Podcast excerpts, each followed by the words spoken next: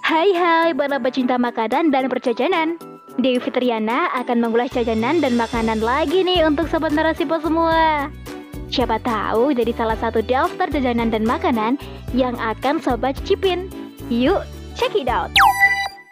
Ali Agrem Si Kue Keabadian oleh Irmasari Rahayu. Bulat-bulat bolong tengah eh Tengah eh Namanya kue donat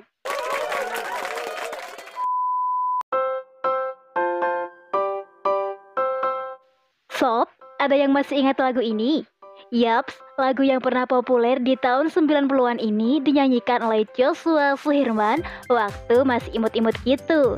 Di lagu ini Joshua bilang kalau makanan yang bentuknya bulat dan tengahnya bolong namanya donat.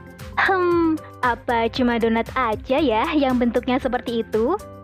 Eits, ternyata bukan cuma donat saja loh yang bulat dan tengahnya berlubang. Ada juga nih kue yang bentuknya seperti donat. Namanya Ali Agrem. Yes, panganan khas tanah Sunda ini memiliki bentuk seperti ali atau cincin tradisional yang memiliki batu indah dan besar di tengahnya. Makanya sob, kue Ali Agrem juga dikenal dengan sebutan kue cincin. Nah, selain bentuknya yang unik, Ali Agrem juga memiliki cita rasa yang khas. Perpaduan antara tepung beras, tepung ketan, dan gula merah berpadu mesra menghasilkan Ali Agrem yang berwarna coklat cerah, manis, gurih, dan legit di lidah. Sangat nikmat disantap selagi hangat, ditemani secangkir kopi atau teh manis. Hmm, delicious! Kue tradisional dan nikmat ini mulai jarang ditemui saat ini.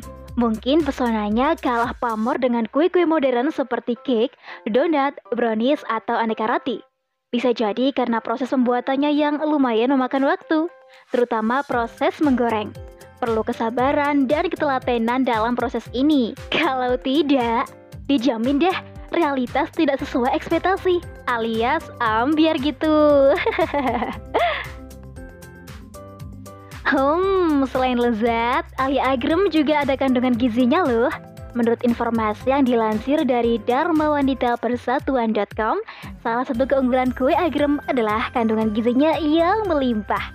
Dalam satu buah kue agrem memiliki kandungan energi sebesar 440 kilokalori, protein 3,8 gram, karbohidrat 64,5 gram, lemak 18,5 gram, kalsium 27 mg, fosfor 47 mg, dan zat besi 2,5 mg.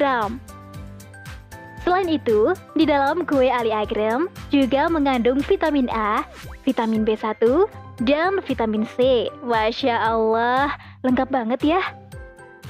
Sobat, kue-kue tradisional biasanya sih menyimpan kisah tersendiri, baik secara maupun filosofi di dalamnya. Tak terkecuali Ali Agrem.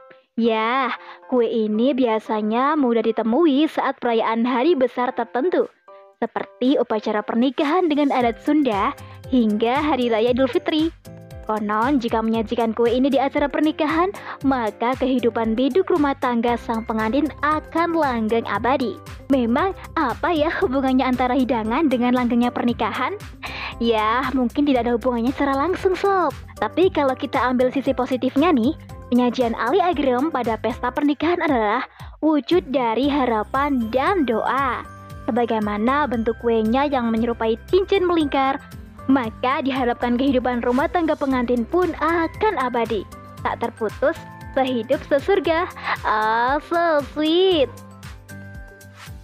Oke deh, adat istiadat memang tidak boleh dijadikan sebagai pijakan amal bagi seorang muslim ya.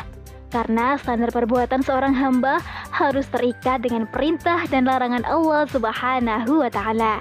Namun selama adat istiadat tersebut tidak melanggar dan bertentangan dengan syarak, maka umat Islam masih boleh kok mengambilnya.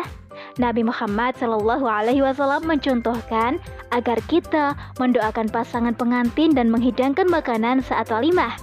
Perintah untuk menggelar walimah disampaikan Rasulullah ketika putrinya Fatimah radhiyallahu an dipinang Ali bin Abi Thalib radhiyallahu an. Beliau bersabda, Sesungguhnya pada perkawinan harus diadakan walimah.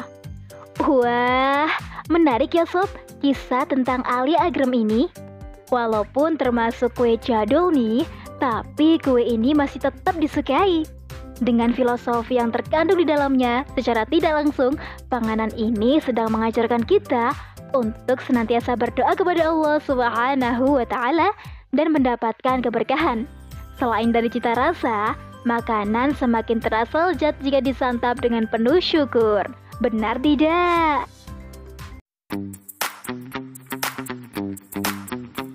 Oke deh, kayaknya segitu dulu ya ulasan jajanan atau makanan yang kita bahas hari ini. Sampai jumpa di episode selanjutnya di podcast Narasi Pos, cerdas dalam literasi media, bijak menangkal peristiwa kunci. Bye-bye.